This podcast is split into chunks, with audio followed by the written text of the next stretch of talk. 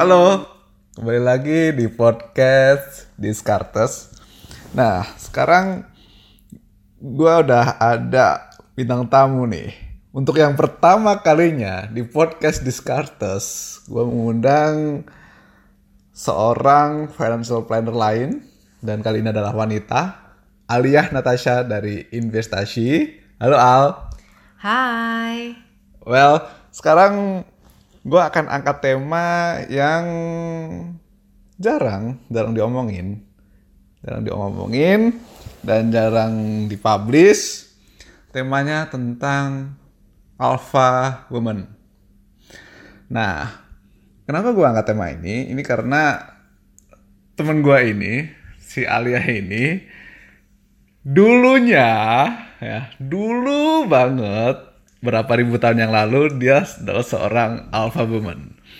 Dan sekarang udah jadi salah satu financial planner yang hits di Indonesia. Jadi ini pas banget kita ngomongin soal duit, kita ngomongin soal para wanita dan lain sebagainya. Oke, pertama gini deh, gue akan nanya ke si Alia ini, kenapa sih, gimana sih alpha woman bisa muncul? Silakan Al.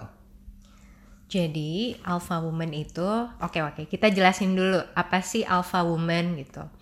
Alpha itu adalah leadernya leader, biasanya gitu. Leadernya leader ya. Mm-mm. Jadi ada rasa kepemimpinan yang dimiliki oleh seorang alpha, secara singkat gitu.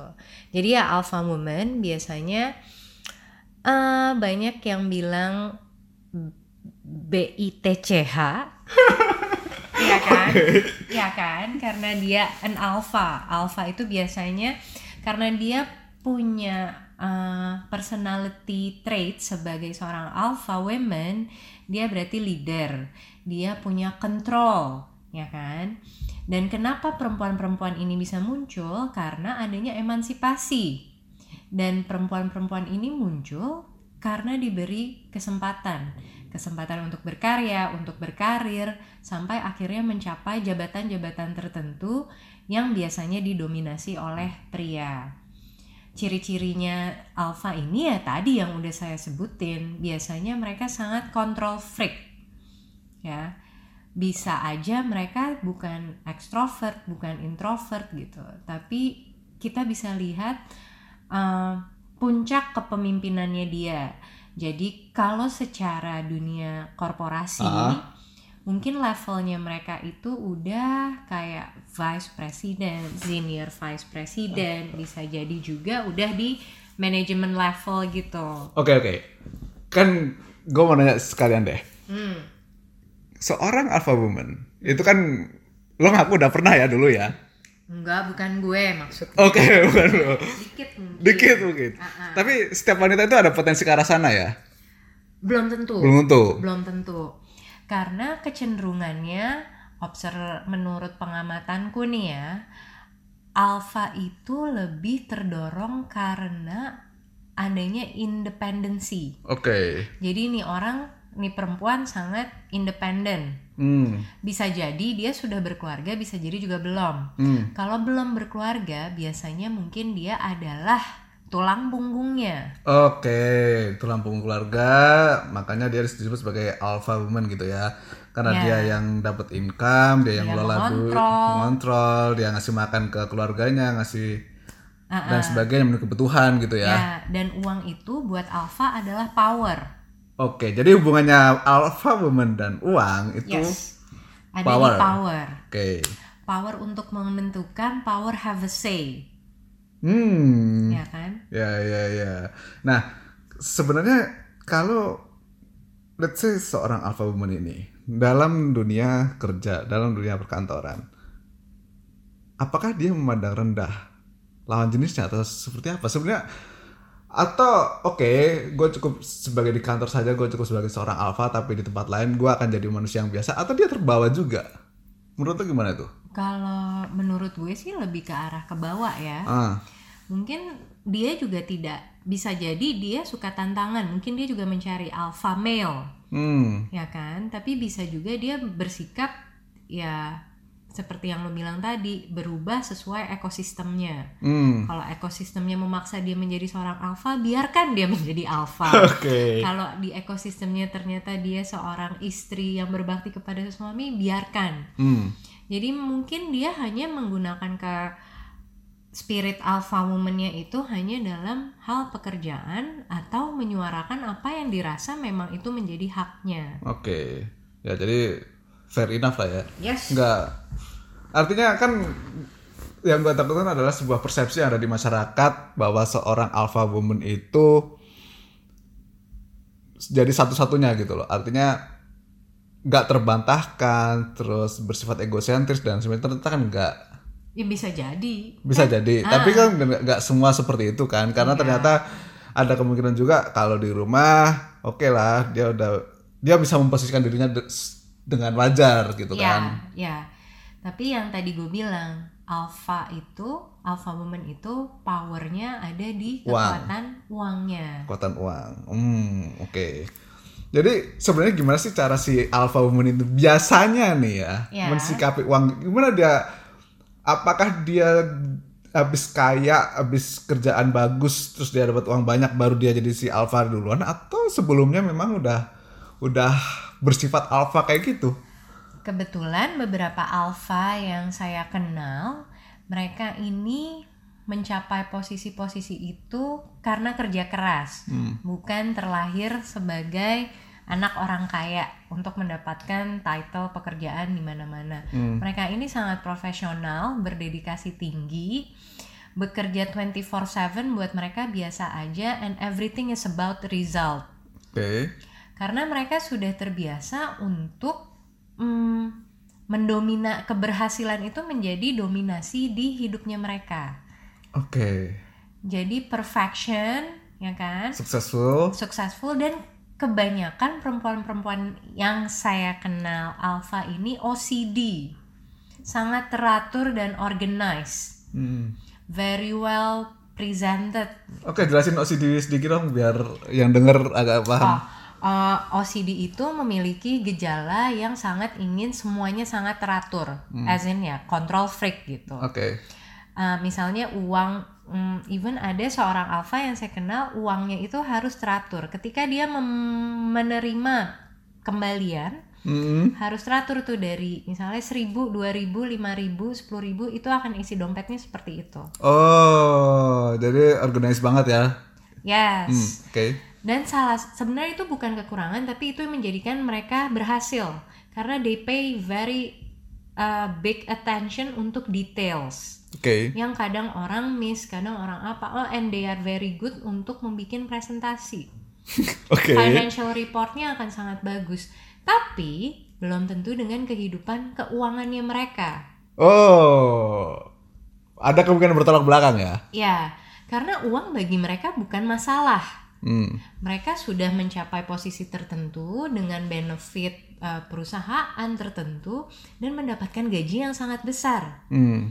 Kenapa harus uh, beramah tamah, bersibuk-sibuk ngurusin budget-budget yang ternyata kecil dan ternyata terhandle aja, Hmm. ya kan? Ya, ya. Ketika kamu memiliki go 100 juta, udah 100 juta nih kita ngomongin uh, pendapatan per bulannya alpha women ini. Heeh. kenapa gue harus pusingin pengeluaran yang cuma sekian puluh ribu ratusan ribu gitu Hmm. karena my time is so precious Hmm. ya kan untuk budget kecil-kecil selama masih terkendali why bother Ya. Nah, dari pengalaman lo nih sebagai seorang financial planner dan pengalaman lo ketemu alpha alpha woman ini dan pengalaman lo lagi ya selama hidup ratusan tahun ini sebenarnya gimana menurut lo tentang pola mereka si alpha woman ini spendingnya I mean Oke. I mean gini kalau kita lihat di mall kita lihat di tempat-tempat perbelanjaan ya ada beberapa orang beli beli beli beli tanpa mikir ada beberapa orang beli masih mikir ada beberapa orang yang cuma lihat-lihat tok gitu kan itu salah satu habit di pusat perbelanjaan di tempat lain juga model-model beraneka ragam nah si alpha woman itu ciri khasnya seperti apa sih soal spending money-nya?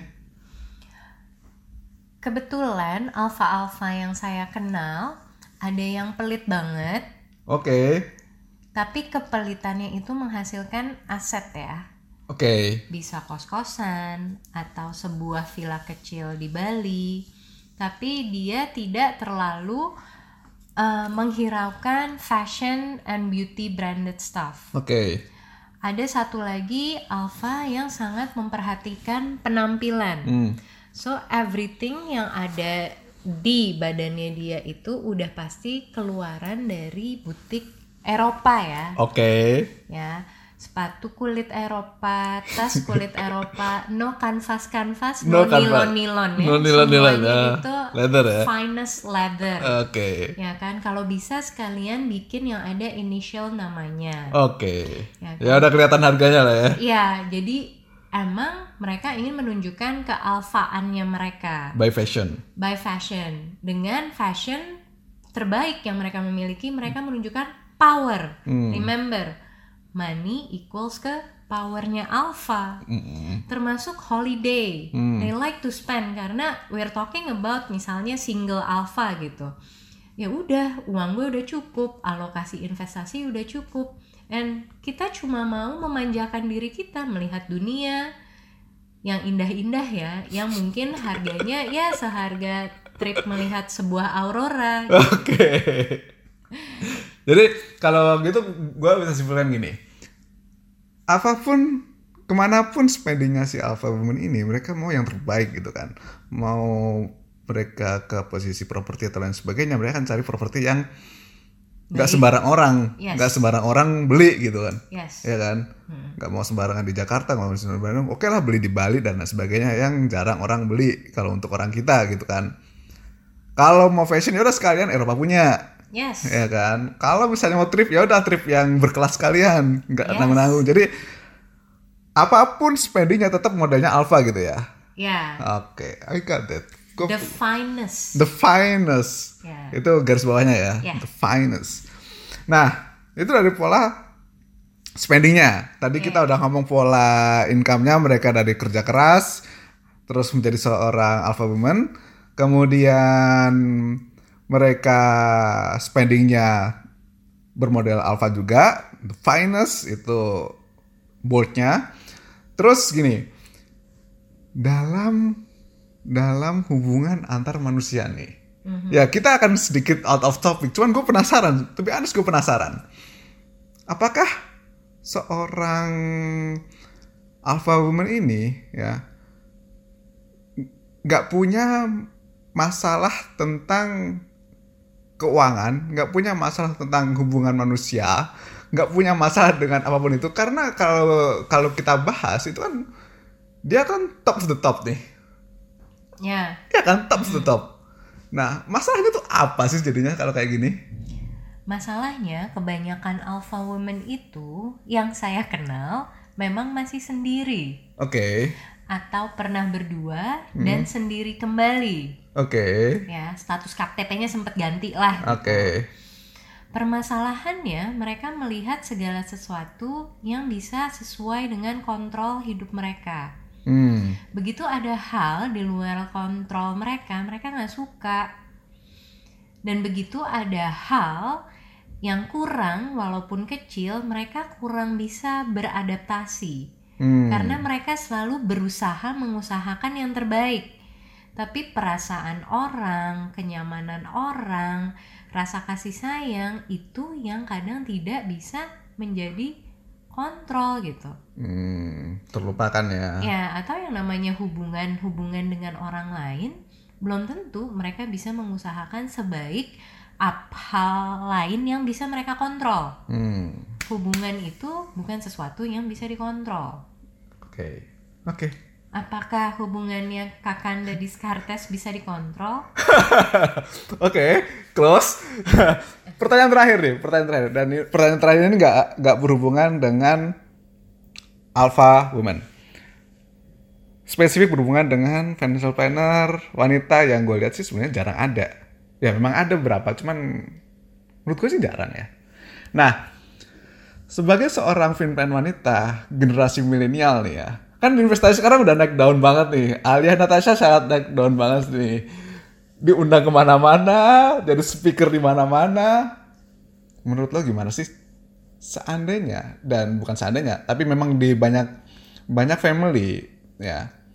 Ketika beberapa pasangan lain datang ke gua mereka datang cerita oh lebih nyaman kalau duit itu dipegang sama wanita. Duit dikontrol sama wanita, biar spendingnya terarah. Kata mereka seperti itu. Oke. Tapi ke- belum, Oke. tapi ketika gua bongkar ternyata nggak juga gitu. Oke. Ya. Nah, menurut lo gimana sih Al? Apakah memang lebih better duit itu dalam sebuah keluarga itu dipegang sama wanita atau enggak? Karena lo juga di sini sebagai seorang ibu rumah tangga, sebagai film planner, sebagai banyak banget job lo ya. Silakan Al. Ini balik sih sebenarnya Oke. ke personality in the marriage di dalam pernikahan itu personality kalian sebagai pasangan kayak gimana. Kalau jujur, aku sama suami itu kita membahas segala sesuatunya. Hmm. Apa pun yang kita dapat, apa pun yang kita usahakan, apa pun yang kita terima. Dan kita masih punya kehidupan finance masing-masing secara terpisah Hmm. kebetulan saya bijak, suami saya bijak ya. Jadi itu bisa terjadi. Oke. Tapi kenapa banyak yang berpikir lebih enak diserahkan ke perempuan karena perempuan itu by nature secara default memikirkan semuanya. Wow. Yang udah berkeluarga nih ya biasanya ya sesimpel gini deh. Eh, pengen beli lipstick. Oke, gimana caranya bisa beli lipstick tanpa mengurangi budget untuk Pampers? Hmm. ya Alright. kan? Nanti bisa, entah kenapa tuh ibu-ibu itu kreatif aja mencari segala macam cara. Saya baru nih ya, jujur baru join ke parenting WhatsApp group. Ditanya satu, siapa dokter anak yang oke di Jakarta Selatan? Itu jawabannya bisa sampai ranting pohon akar gitu. Ke dokter ini aja, ratingnya segini, reviewnya segini Wow. Detail ya? detail karena perempuan itu cenderung menyimpan segala seribu satu informasi. Hmm. Padahal kan cukup satu nama, misalnya siapa financial planner gagah yang gondrong di Skartes. Enggak, nanti jawabannya bisa Oh, yang gagah itu adalah yang ternyata masih single ya, entah berapa lama dia berduka. Terus kalau ngasih ri- apa advice financial tuh harus pakai urusan olahraga, plank push up gini-gini. Padahal kan tinggal kasih nama. Gitu. Nah, itu yang namanya perempuan. Coba aja kamu sesimpel lihat review komplain Oke. komplain produk, komplain apa. Perempuan ini bisa melihat segala sesuatu baik dari positif dan negatifnya. That's why kenapa semua perempuan tuh harusnya proaktif. Proaktif biar pinter gimana caranya mengatur keuangan dan menemukan financial planner yang independen ya, yang bisa membantu mengatasi masalah keuangan. Hmm. Gitu loh Kakanda. Oke. Thank you Al. Sama-sama. Makasih banget. Jadi teman-teman semua big thanks to Alia Natasha dari Investasi. Jadi teman-teman kalau misalnya mau lihat profil dia, lihat aja di Instagram. Terpampang sudah itu Nona Nyonya Alia, salah satu founder dari Investasi. Sampai jumpa lagi di podcast Discartes selanjutnya. Bye bye.